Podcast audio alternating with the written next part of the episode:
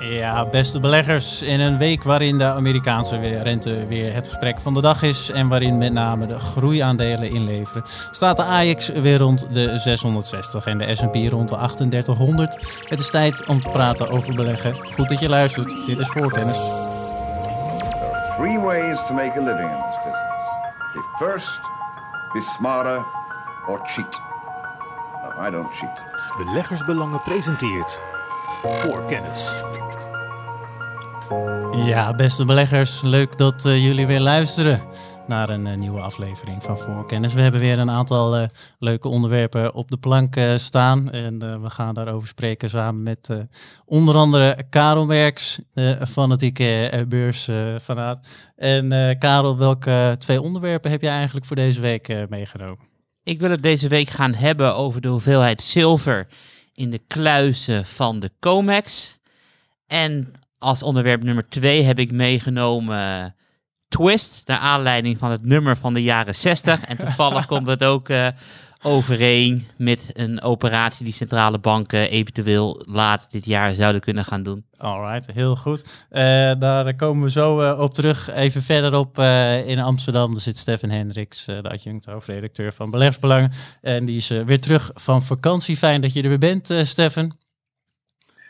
Ja, heerlijk om er weer te zijn, Maarten. Ja, dat kan ik. Ik hoop dat je een fijne vakantie. Ik ben altijd benieuwd of uh, je zei, ik neem, uh, ik hou de beurs toch altijd in de gaten. Is er dan een gevalletje, ik ga op vakantie en ik neem mee een financieel jaarverslag van Aperam? Of uh, valt dat nog wel mee? Nou, ik, ja, iedere dag. Ja, ik kan eigenlijk niet een dag afsluiten zonder te weten wat, wat de rente is hoe goud staat, hoe tegenwoordig, hoe bitcoin staat.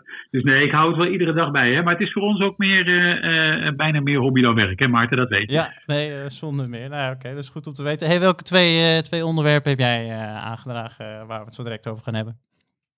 Ja, ik wil het straks hebben over datgene wat jij al een beetje in je inleiding zei. Dat is de sectorrotatie. En dat heeft weer alles te maken met Amerikaanse rente. En we gaan het hebben over de winst of het gebrek eraan van de Bundesbank. Alright, alright. Heel goed. Ik ben uh, benieuwd. Voordat we dat gaan doen, uh, gaan we als eerste heel even terugblikken. Voor kennis. Want uh, ja, zoals uh, Stem zei, er is genoeg gebeurd. En Karel, ik ben benieuwd hoe jij de beursweek hebt ervaren en wat er allemaal is opgevallen. Ik heb, zoals vorige week gezegd, gekeken de cijfers van Live Nation. Ja. En die kan je op twee manieren interpreteren. De eerste is, uh, ze waren dramatisch, want de omzet in 2020 lag uh, eh, 92% lager dan in 2019. Dus er is er maar 8% uh, van de business over. Maar aan de andere kant waren ze beter dan ooit. Omdat het bedrijf ideaal geprofiteerd heeft van het financiële klimaat in 2020 door obligatieleningen uit te geven. En ze hebben ruim een miljard opgehaald, waardoor de balans beter dan ooit is. En om een voorbeeldje te noemen, een jaar geleden uh, kreeg je voor een vierjaars lening van Live Nation kreeg je 10% rente per jaar. Dus een coupon van 10%.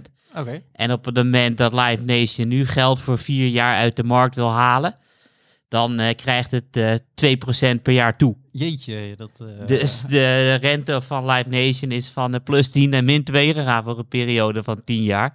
En dat laat wel zien hoe sterk het bedrijf er ervoor staat. Ja. Dus het was een koopadvies, van de week goed naar gekeken en ik heb weer het koopadvies herhaald. Het is een van de aandelen die volgens mij in 2021 flink kan profiteren omdat heel veel beleggers uh, vergeten af en toe te kijken naar de obligatieleningen en hoe het bedrijf ervoor staat. En het staat er ijzersterk voor. Dus op het moment dat we in de zomer 2021 groot gedeelte van de omzet komt uit de Amerikaanse markt. En ik geloof dat Joe Biden uh, van de week zei dat misschien in juni wel iedereen is gevaccineerd. Iedereen. Nou ja, dat betekent festivals, concerten, et cetera. En ik verwacht dat mensen wel uh, meer gaan uitgeven tijdens een festival dan vroeger. Ja. Dus ik verwacht dat die cijfers voor dit jaar uh, wel een recordjaar gaan worden. Met een balans die beter dan ooit is. Het is gewoon een koopwaardig aandeel. Dus dat viel me als eerste op. Daarnaast, wat ik ook wel opvallend vond, dus waar ik elke week naar kijk, is de inflatie. We hadden de ISM-cijfers. En een van de onderdelen daarvan is hoeveel de manufacturing, dus de producerende bedrijven, de industrie betaalt voor de, de input van onderdelen, grondstoffen, et cetera. En die kwam dus uit op uh, 86. Neutraal cijfer is 50 is het bijvoorbeeld 60 en de maand daarna is het weer 60 en is het niet gelijk gebleven omdat je elke maand weer terugkijkt naar 50. Dus 86 is echt heel erg hoog. En we hebben bijvoorbeeld in juni 2008 hebben we wel 91 gezien. Het was een tijd toen de olieprijs op 150 stond. En een heel veel hogere stand is zelden voorgekomen. We hebben een keertje bij de hoge inflatie in de jaren 70 hebben we 93 gezien en de all-time high is, is 98 uit 73. En het zijn geen jaar op jaar cijfers, maar maand op maand cijfers. En dat laat zien dat de inflatie flink uh, aan het toenemen is. Dus dat is iets wat me opviel. En als derde, wat ik heel erg opvallend vond, is dat door de stijging van de rente technologieaandelen een tik hebben gekregen. Maar de afgelopen jaren bewoog de bitcoin mee met uh, technologieaandelen als, als een groeiaandeel. Ja. En nu zie je dat Bitcoin gewoon in deze week boven de 50.000 weer is uitgestegen, terwijl de technologieaandelen naar beneden gaan. Dus het is een soort decoupeling. Ik weet niet of het blijvend is, maar het is wel iets uh, om in de gaten te houden. Ja, heel goed. Nou, dat gaan we zeker doen, uh, dat uh, in de gaten houden. Alright, Stefan, wat is jou allemaal opgevallen, ondanks het feit dat je toch van een weekje vakantie genoten hebt? Nou, kijk, afgelopen week was natuurlijk onvermijdelijk inderdaad de, de rentebewegingen in Amerika ehm, en in Europa. Nou, daar komen we straks denk ik ook gewoon een beetje over te spreken. Ja. En in mijn vakantie kwamen de laatste twee aandelen uit de hoogdividendportefeuille met hun uh, kwartaalcijfers. Nou, dan gaat natuurlijk onze aandacht altijd uit naar wat daar gezegd wordt over het uh, dividend. Ja. Nou, dat was gelukkig geruststellend. Dus uh, BAE Systems, dat is een defensiebedrijf, die verhoogde netjes het dividend met uh, 2%, keurige cijfers. München Rück, dat is een herverzekeraar, ja, die hadden natuurlijk even een wat lastiger jaar met uh, COVID. Uh, ongeveer 3,4 miljard euro aan COVID-gerelateerde claims afgelopen jaar. Uh, daardoor klapte de winst gewoon in van 2,7 naar 1,2 miljard. Ja. En toch handhaaft München Rück het dividend op 9,80 euro per aandeel. En dat is natuurlijk voor ons van groot belang. En dat is ook precies de reden waarom wij München Ruk in uh, deze portefeuille hebben genomen. Want dit soort dingen kun je alleen maar doen als je een ongelooflijk sterke balans hebt. En dat hebben ze. Alright, dan kijken we aan. Nou, fijn uh, toch om dat dan bevestigd uh, te krijgen als een goed onderdeel van de portefeuille. Alright, super. Nou, dat is mooi. Ik denk dat we meteen gaan verder skippen. Volgens mij willen we het allemaal hebben over de sectorrotatie. ik ben in ieder geval heel benieuwd. Druk maar op dus, de muziekknop, Maarten. Ja, en we hadden net wat afgesproken om het keurig te doen. Waar komt hij aan? Dat nog? Voorkennis. In een korte vergadering afgesproken dat wat subtieler te doen, maar uh, is meteen uh, geschrapt. We hebben zo direct nog een paar pogingen. Hey, maar uh, het lijkt mij het leukste onderwerp. ik ben zelf heel benieuwd. Dat is aangedragen door Stefan onder andere en met Karel ook over gehad. Dat is toch de sector rotatie die uh, daar gaande is. Steffen, vertel, uh, wat, uh, wat moeten de beleggers precies weten hier? Ja, wat je dit jaar ziet, wat echt wel heel erg opvallend is natuurlijk, is dat de sectoren die de afgelopen jaren er beroerd bij lagen, zoals de banksector of energie, ja, die presteren nu ongelooflijk goed. Dus dat zijn eigenlijk dit jaar behoren die tot de best presterende sectoren, zowel in Europa als in de VS. En wat je dan ziet is een soort stuivertje wisselen. Want sectoren die het uh, tussen zeg 2018 en 2020 echt heel erg goed hebben gedaan. Bijvoorbeeld uh, de nutsector. Nou, die staat nu zowel in de VS als in Europa helemaal onderaan. En als je ook kijkt in de, uh, in de, bij de tien slechts presterende aandelen uit de Stocks Europe 600 index. Nou, dan vind je daar verschillende nutsbedrijven terug, zoals Ørsted en, en EDF. En bovenin vind je dan uh, bedrijven terug die ik uh, tot voor kort meer in de categorie kneus had genoemd. Bijvoorbeeld een uh, ThyssenKrupp dit jaar, plus 42 procent. Nou, dat zijn echt opvallende, hele opvallende bewegingen. Zowel in de VS als hier in Europa. Dat hangt natuurlijk allemaal samen met wat er is gebeurd met, met de lange rente. Want bijvoorbeeld de nutsector, die ik dan heel erg volg. En die nutsector bereikt een beetje zijn hoogste niveau februari vorig jaar. En dat was toen de Duitse tienjaarsrente heel erg laag stond. Dan loopt die lange rente op, dan zie je dat die nutsector het moeilijk krijgt.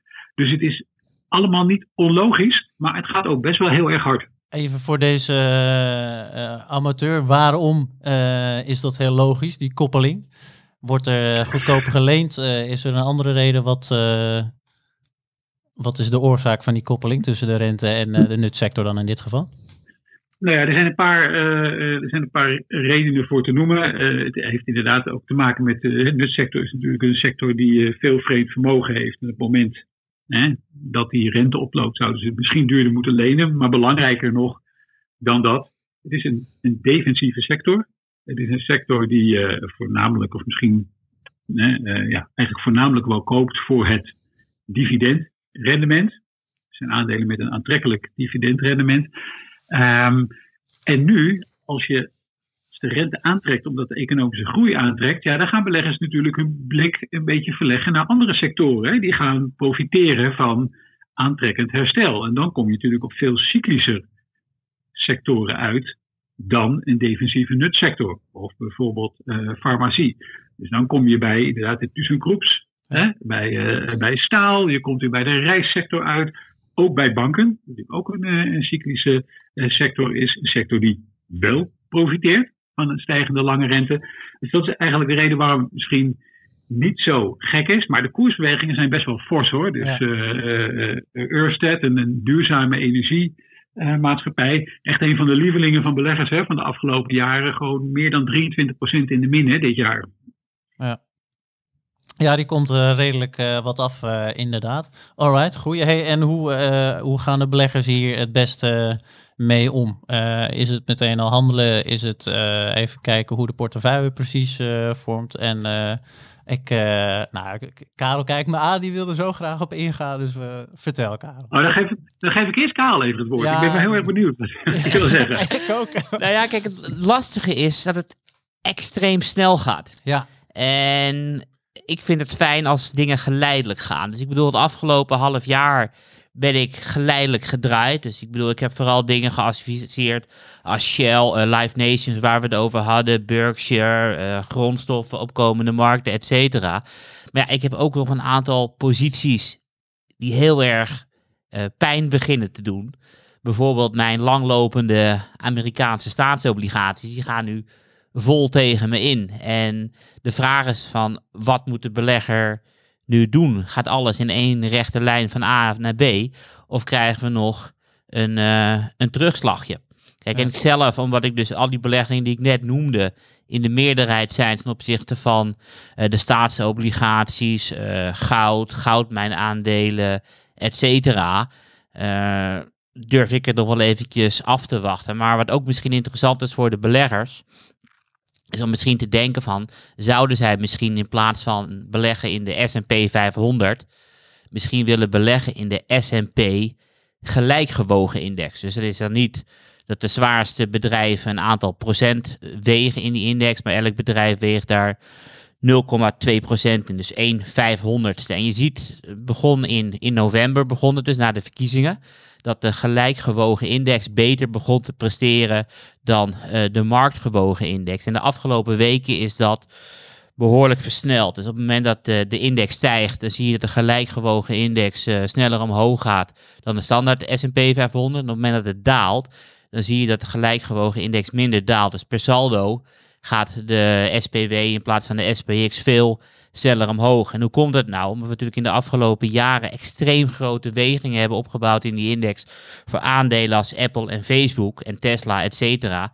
En al die andere bedrijven zijn steeds minder zwaar gaan wegen. Op het moment dat je gewoon niet meer vol in die tech zit, maar je zit veel breder gespreid in een S&P 500 gelijkgewogen index, dan zou je misschien in deze tijd daar wel wat meer rendement mee kunnen behalen. En het gaat er ook vooral om hoe de portefeuille is opgebouwd. Ja. Want ik wil niet geloven dat op het moment dat mensen vermogen hebben opgebouwd, dat ze dan 100% van hun aandelen hebben belegd in windenergie. Je moet altijd uiteraard gespreid beleggen.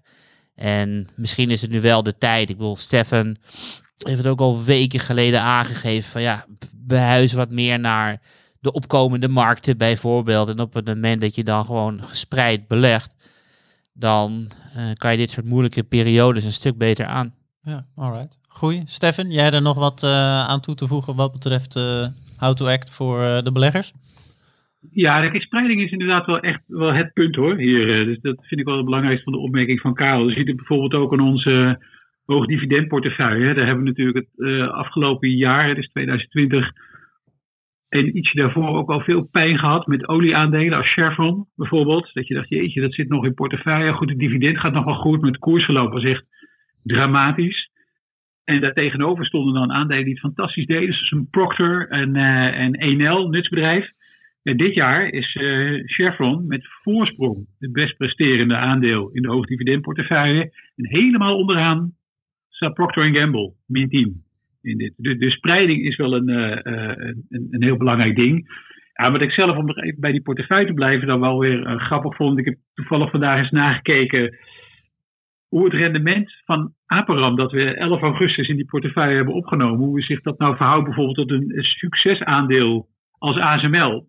En ik was eerlijk gezegd wel verbaasd door de uitkomst, want um, het totale rendement, inclusief herbelegd dividend, van beide aandelen sinds 11 november is bijna precies hetzelfde, plus 42,5%.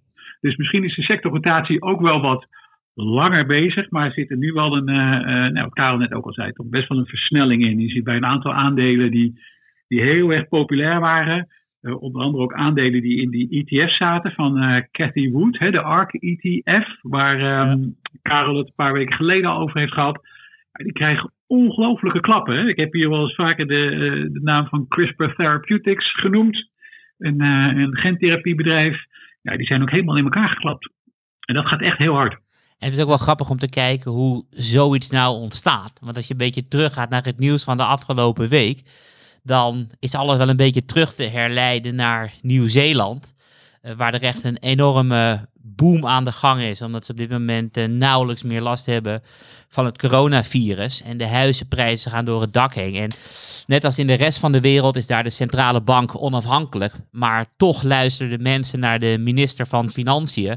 Die zei van ja, de huizenprijzen zijn zo door het dak aan het gaan. Dit willen we niet. Want ik bedoel, een, een boom eindigt altijd in een bast. Dus ik vind dat de centrale bank van Nieuw-Zeeland de rente met een paar stappen moet verhogen. En daar kregen mensen ook uh, enorm benauwd van. Ja, alright. Goeie. Nou, ik ben benieuwd hoe het uh, hier dan verder uh, gaat afspelen als de boel weer open gaat.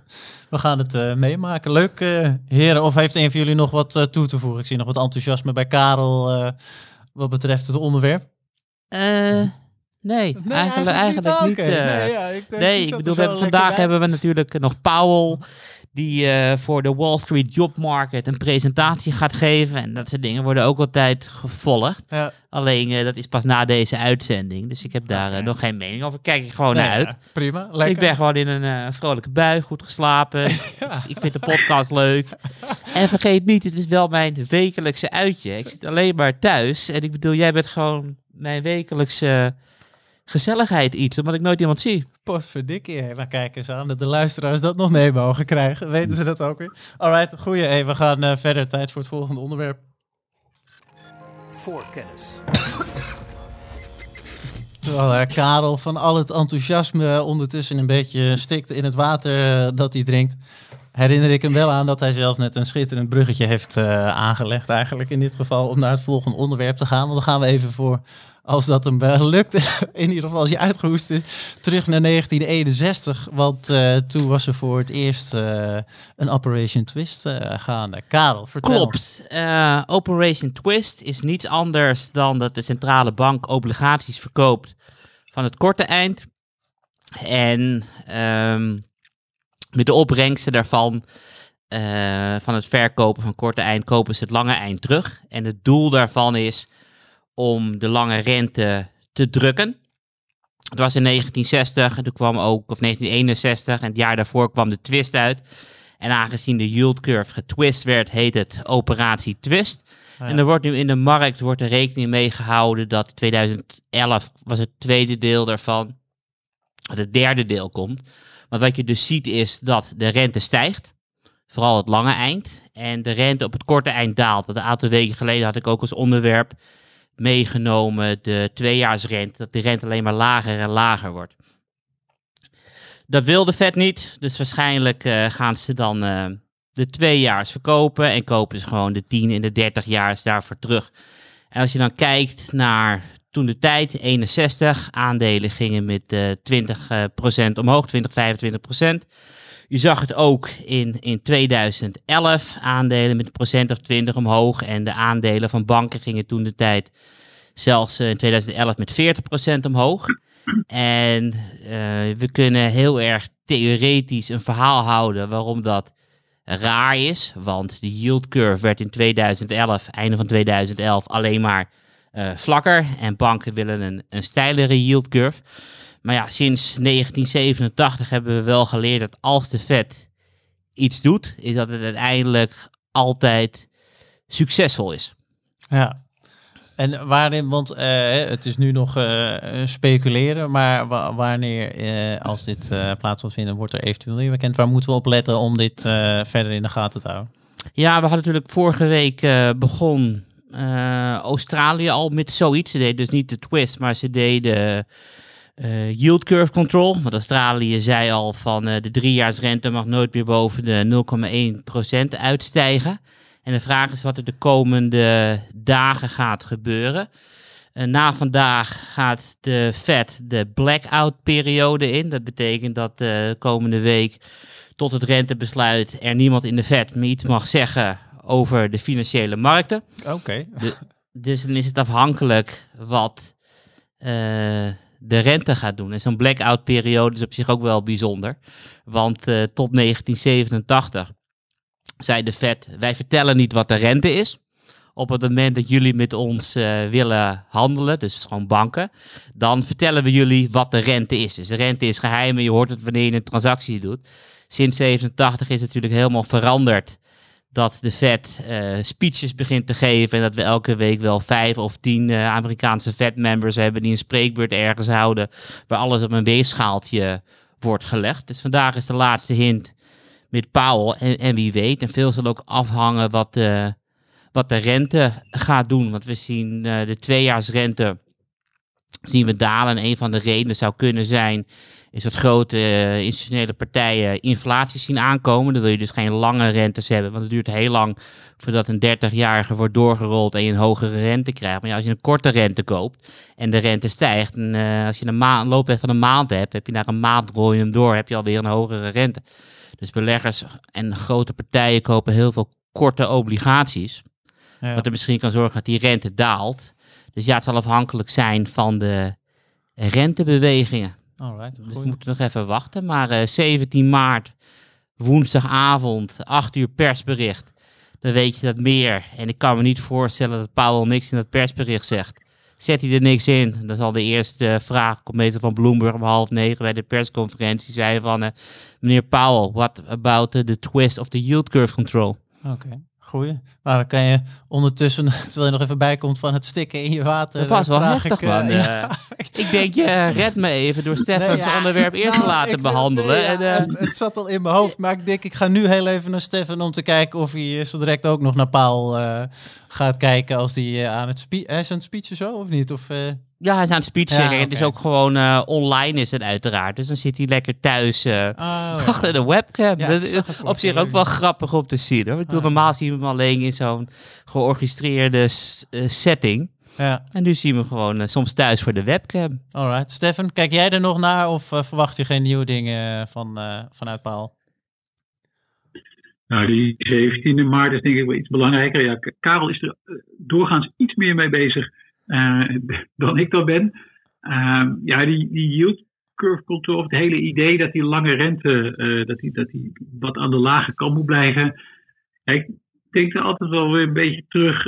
We worden nu al enigszins nerveus. Uh, als in Amerika de lange rente naar de 1,6% gaat. Ik bedoel, dat is, um, dat een tijdje geleden tegen iemand had gezegd, 1,6%. Dat is niks. Die had het belachelijk Oh, volgens mij is de verbinding met Stefan oh, weer uh, weg. Geniaal ja. voor uh, financiële markten. Dat, dat, dat zelfs bij zo'n Ja? Je was, de verbinding was heel even weg, een seconde of tien. Oh, echt waar? Ja. We, we waren gekomen tot het moment van als je vroeger had gezegd 1.6 zo hoog we zouden ons zorgen maken, hadden we je voor gek verklaard. Denk ik dat je ging zeggen. En daarna... Nou, nou ja, precies. Ja, we hebben, uh, is het 10, 15 jaar geleden was het natuurlijk gewoon 1,6 procent. Dat is een renteniveau waar niemand zich druk over maakt. Nu is het een renteniveau waarvan uh, uh, waar centrale bankiers kennelijk op moeten gaan reageren. Ik, ik, nogmaals, ik heb wel vaker deze podcast gezegd. Ik vind dat gewoon niet echt een signaal van, van gezonde financiële markten. het enige waar ik me voor kan stellen waar de centrale bank zich wel echt druk om maakt, is als die rentestijgingen heel plotseling gaan. Zoals we uh, vorige week, eind vorige week hebben gezien. Toen gingen de opeens heel hard. Nou, dat zijn misschien onrustmakende bewegingen in de markt, waar je als centrale bank misschien wat mee moet. Ja.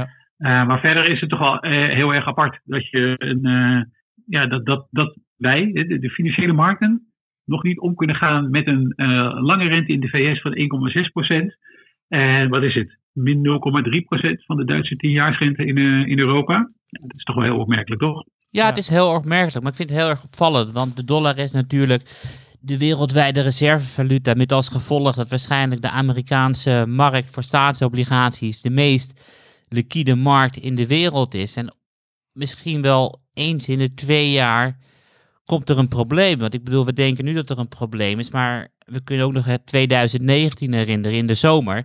Toen hadden we de repo crisis natuurlijk zei hij afwachtend op Steffen. Maar ik vermoed dat daar de verbinding weer uh, weg is. Dat wordt een, uh, een lastig gevalletje zo uh, om daarop verder in te gaan. Maar dan ben ik benieuwd, Karel. Vertel me, wat is de, de repo crisis? Want ik ben zelf niet bekend.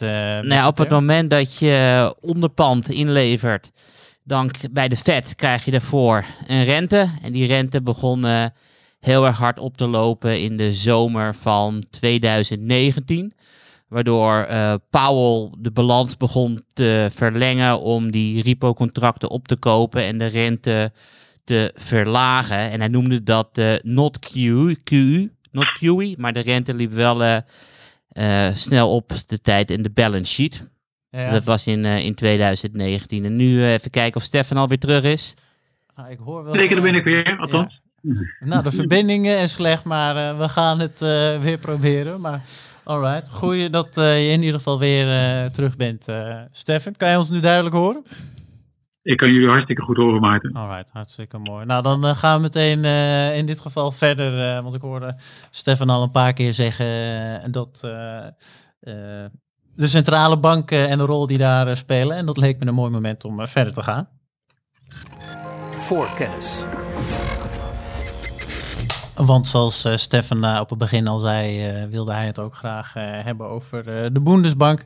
Die in dit geval voor het eerst een hele lange tijd geen winst meer gaat uitkeren aan de financiën. Stefan, wat is hier allemaal gaande? Vertel. Nou, de Bundesbank heeft deze week zijn jaarverslag gepubliceerd. En um, nou, allemaal, hoe, hoe, het gaat met, met de Centrale Bank van Duitsland. En dat, nou, dat gaat niet zo top. Want ehm, ja, de Centrale Bank van Duitsland heeft 2,4 miljard aan zijn voorzieningen, voor, zoals dat zo vrij heet, voor algemene risico's moeten toevoegen. Die staan nu op 18,8 miljard. En daardoor keert de Bundesbank voor het eerst sinds 1979 geen euro uit, of de D-mark, uh, aan het ministerie van Financiën. Nou, dat is toch wel echt heel erg apart. Vorig jaar werd er nog 5,9 miljard dollar uitgekeerd door de Bundesbank. Nou, dat gegeven op zichzelf is misschien alleen maar grappig, maar belangrijker is misschien nog, ja, waar komt dat dan door? Ja. ja, en dat heeft alles te maken met dat extreem verruimende monetaire beleid, wat door de ECB wordt gevoerd, maar wat natuurlijk door regionale centrale banken wordt uitgevoerd. Dus waar heeft de Bundesbank mee te maken? Ja, die lenen geld uit tegen extreem gunstige voorwaarden aan andere banken. Dus ze, ja, ze verdienen gewoon minder uh, rentebaten. En verder ja, moeten ze gewoon veel voorzieningen opzij zetten voor renterisico en wanbetalingsrisico op al die obligaties die zij opkopen in het kader van het obligatieopkoopprogramma van de ECB. En uh, nou, we hadden het net al over uh, hoe, hoe, kunnen markten nog verbaasd zijn of, of, of, verrast zijn of onaangenaam getroffen worden door uh, 1,6 procent. Het was toch enige tijd geleden uh, ondenkbaar dat je je daar druk over maakte. Moet je eens voorstellen als je dit een jaartje of twintig geleden aan de gemiddelde Duits had voorgelegd. Van de Bundesbank maakt gewoon geen winst, keren niks uit, uh, moeten hun voorzieningen verhogen in verband met allerlei opkoopprogramma's. Ik denk dat de gemiddelde Duitser onmiddellijk zijn matras had nagespeurd of hij nog wat D-mark had kunnen vinden. ja, nee, oké. Dat uh, is een, lastige situatie. Uh, en hoe, uh, wat, wat betekent dit voor de toekomst? zit een soort gelijk scenario nog een keer op te wachten? Of wat kunnen we er nog allemaal van verwachten? Ja, je, je, vraagt je af hoe, hoe ver de ECB nog kan gaan. Want Karel weet het volgens mij nog beter dan ik. Maar ik denk dat na de Bank of Japan de ECB de bank is met het, het hoogste banktotaal, dus totale activa, uh, gedeeld door het BBP van de regio. Oeh, alleen Zwitserland uh, staat er nog voor, Stefan. Het is, eh, Zwitserland hebben we ook nog. Die staat, ja, je hebt is... Zwitserland 1, Japan 2 en Eurozone 3. Alleen jij kijkt waarschijnlijk naar de belangrijkste landen en dan is de Eurozone wel 2. Hoor. Maar Zwitserland is officieel de winnaar qua meest extreme monetair beleid. Ja, dat is inderdaad een hele goede toevoeging. Ik keek inderdaad naar de allergrootste, maar je hebt helemaal gelijk. Dat Zwitserland nog erger is in dat verband. Zit er iemand helemaal ja, bij? Sorry, ga verder, Stefan.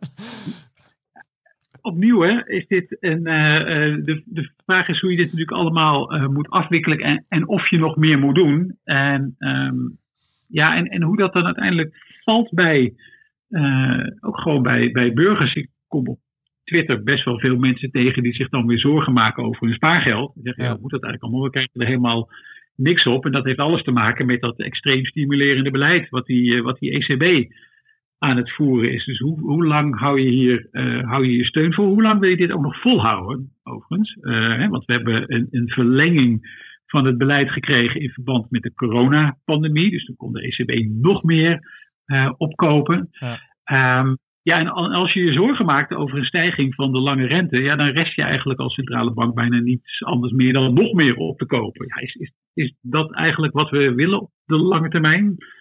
Ja, ik, nou, dat is wel heel, heel extreem. Want als je bijvoorbeeld kijkt naar waar ik net over had, Australië, die begonnen is met uh, yield curve control door de driejaarsrente op 0,1 vast te pinnen. Ik bedoel, die zijn nu zoveel QE aan het doen dat nu de centrale bankbalans uh, letterlijk naar de maan aan het gaan is. Het stijgt echt enorm. En wat ik ook nog even kwijt wil over de Zwitserse centrale bank, is op zich wel grappig dat uh, meerdere centrale banken voeren niet alleen monetair beleid, beleid uit wereldwijd, maar zijn ook beursgenoteerd. Dus je kan beleggen in de, in de Zwitserse centrale bank. En de afgelopen jaren, vier jaar, hebben ze een uh, aandeel houders uh, rendement gegeven van 400%. En een van de redenen dat dat komt, is dat de Zwitsers uh, QE gebruiken en uh, het geld daarmee gecreëerd wordt. Daarvan kopen ze geen staatsobligaties in Zwitserland. Nee, de munt moet onderuit. Daarvan kopen zij Amerikaanse aandelen. Facebook, Apple, Tesla, etc. En ze hebben nu een portefeuille van 100 miljard. En die aandelen zijn de afgelopen jaren flink gestegen. Waardoor uh, het vermogen van die bank flink is toegenomen. En als, als je aandeelhouder bent, wat iedereen kan worden, want je kan de S&B-aandelen kopen op de beurs, profiteer je gewoon mee van het extreme monetaire beleid in Zwitserland. Oké, bizar. Ik wist niet eens dat... Ja, uh... Karel, met dit soort voorbeelden moet ik wel denken, hoe ver zijn we dan wel niet gekomen hè, sinds de kredietcrisis? Dat, dat je dit bijna uh, normaal zou moeten vinden. Je, het is, je, we leven nu al een, al een tijd in dit soort omstandigheden. En da, hè, je wordt er iedere dag mee geconfronteerd en daarmee lijkt het waar normaal. Soms vergeet je dan eigenlijk een beetje hoe abnormaal het wel niet is. Hoe totaal bizar het eigenlijk niet is wat we uh, aan het doen zijn. Um, en we hebben ook eigenlijk geen idee waar dit gaat eindigen en hoe dit gaat eindigen. Nou ja, want is het misschien niet al het nieuwe normaal? Hè? Als het, het, dat je bijna het woord abnormaal kan afschaffen wat dat betreft. In, dit, uh, in deze context dan in ieder geval.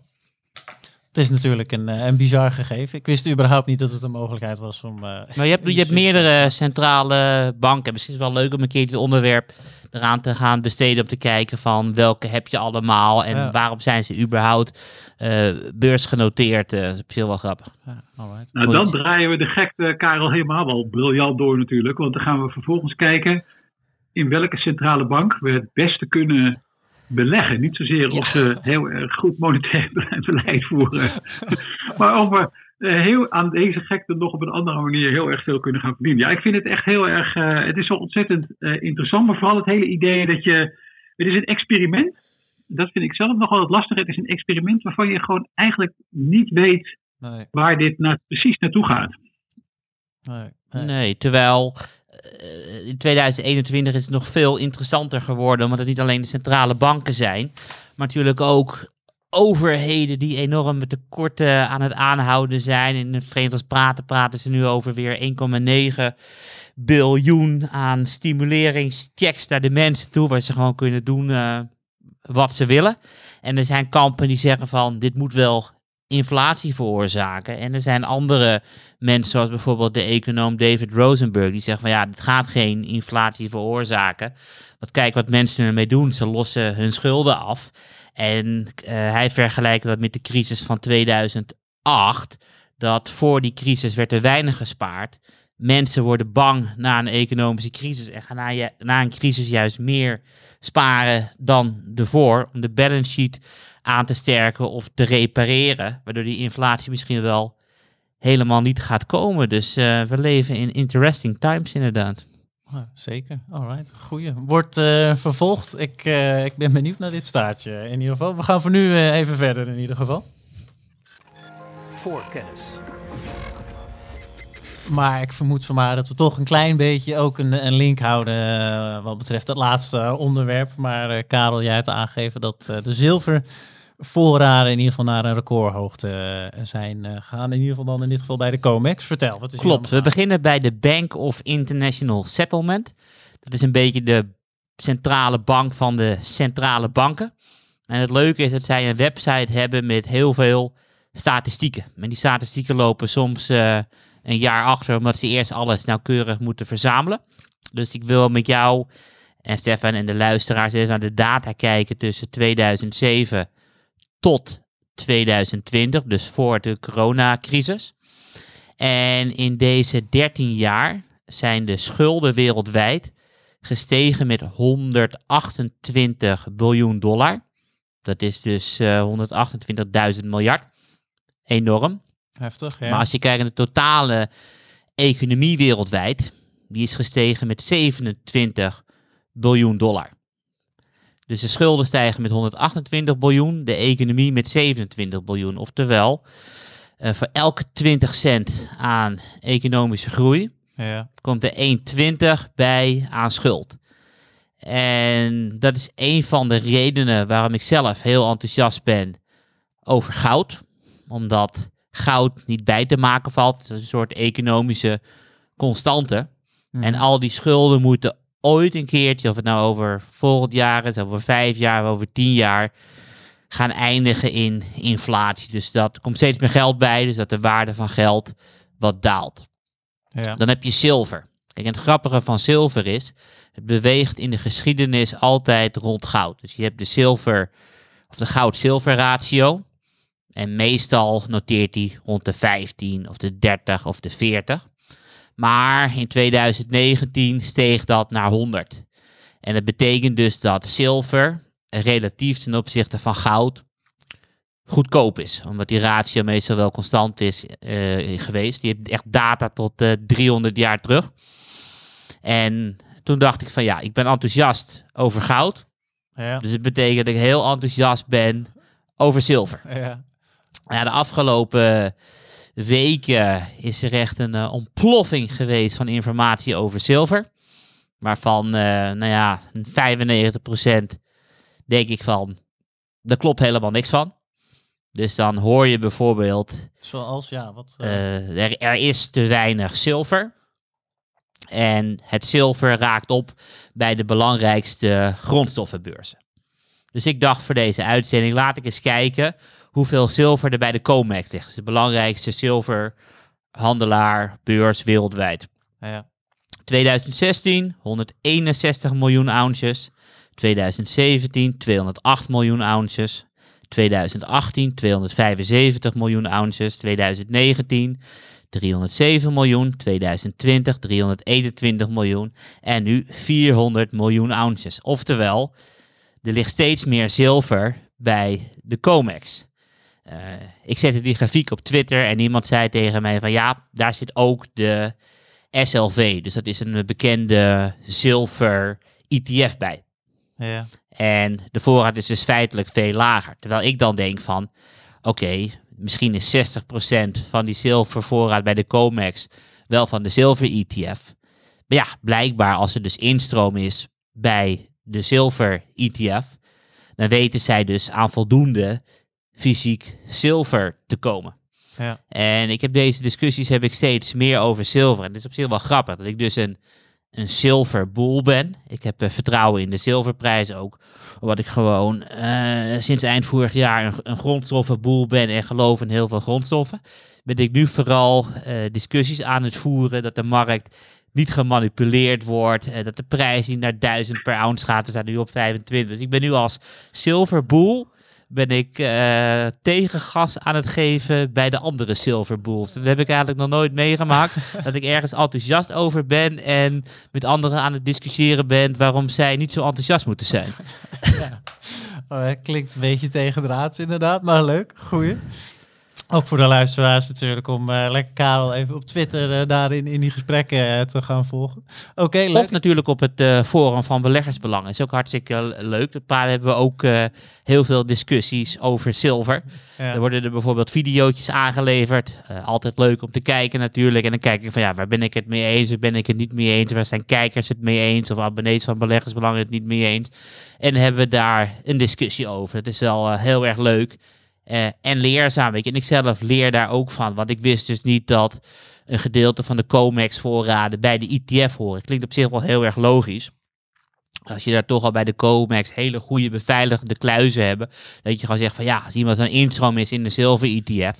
Dan schrijven we gewoon wat van de kluis van links naar rechts. En dat hoort bij de ETF's. Dat je die met een vrachtwagen en beveiliging moet opkomen halen, et cetera. Dus je leert er ook gewoon van. Dus ik bedoel, ik wil iedereen uh, uitnodigen om ook lekker mee te komen praten op het forum van beleggersbelangen. Heel goed, heel goed. Stefan, zit jij eigenlijk uh, of voor jezelf of uh, voor een van de portefeuilles van beleggersbelangen in, in een soort van positie van zilver? Uh, niet in zilver, wel in goud. En uh, privé beleg ik ook in de grondstoffen ETF's. Dus, uh, dus heb ik er ook al mee te maken. Ja, ja wat, mij, um, wat mij opvalt, en, en daar moet Karel er ook een beetje over nagedacht hebben. Kijk, naarmate de reële rente stijgt, dus dat is de rente gecorrigeerd voor inflatie, wordt het aanhouden van goud of zilver in principe minder gunstig. Uh, en zou je denken, nou, als je dan op zoek bent naar een veilige plek om je geld in te stallen, even, dan, nou ja, dan kies je misschien voor uh, Amerikaanse staatsobligaties. Of, uh, dus, dus goud staat nu ook al wel weer een tijdje onder druk, wat ongetwijfeld te maken heeft met die stijgende rente. -huh. En soms lees ik dan wel weer op Twitter dat, dat er zelfs mensen zijn die um, in plaats van goud als een soort dekking tegen inflatie uh, Bitcoin misschien overwegen. Wat op zich wel een interessante gedachte is. Als je zoiets extreem volatiels als Bitcoin überhaupt als een hedge ergens tegen ziet. Maar ja. wie weet mis ik iets. Maar dat is wel iets wat, ja, Karel, daar moet jij misschien, uh, daar zul je ook wel over nagedacht hebben natuurlijk. Dat die, die, die edelmetaalprijzen, die gedijen natuurlijk niet zo goed in een klimaat waarin de, zowel de, de nominale, de gewone rente als de reële rente oploopt klopt. En dat is ook iets uh, waar ik nu inderdaad heel veel over nadenk. En het grootste risico is dat ik het mis heb met mijn inflatieverwachtingen.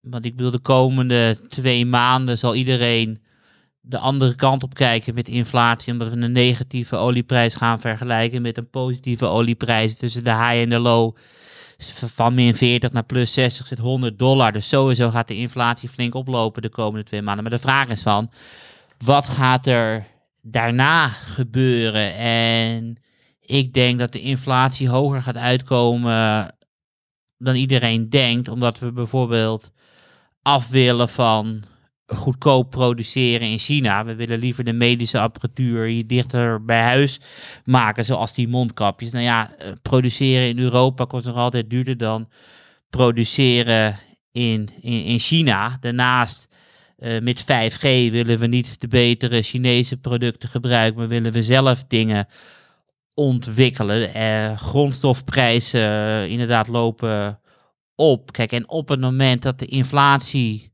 gaat komen, dan zal de reële rente vanzelf weer negatief gaan worden. En ik, er is één ding wat ik heel erg moeilijk vind te begrijpen. En dat is als de schulden met 128 biljoen groeien in 13 jaar en, in de economie met 27 biljoen.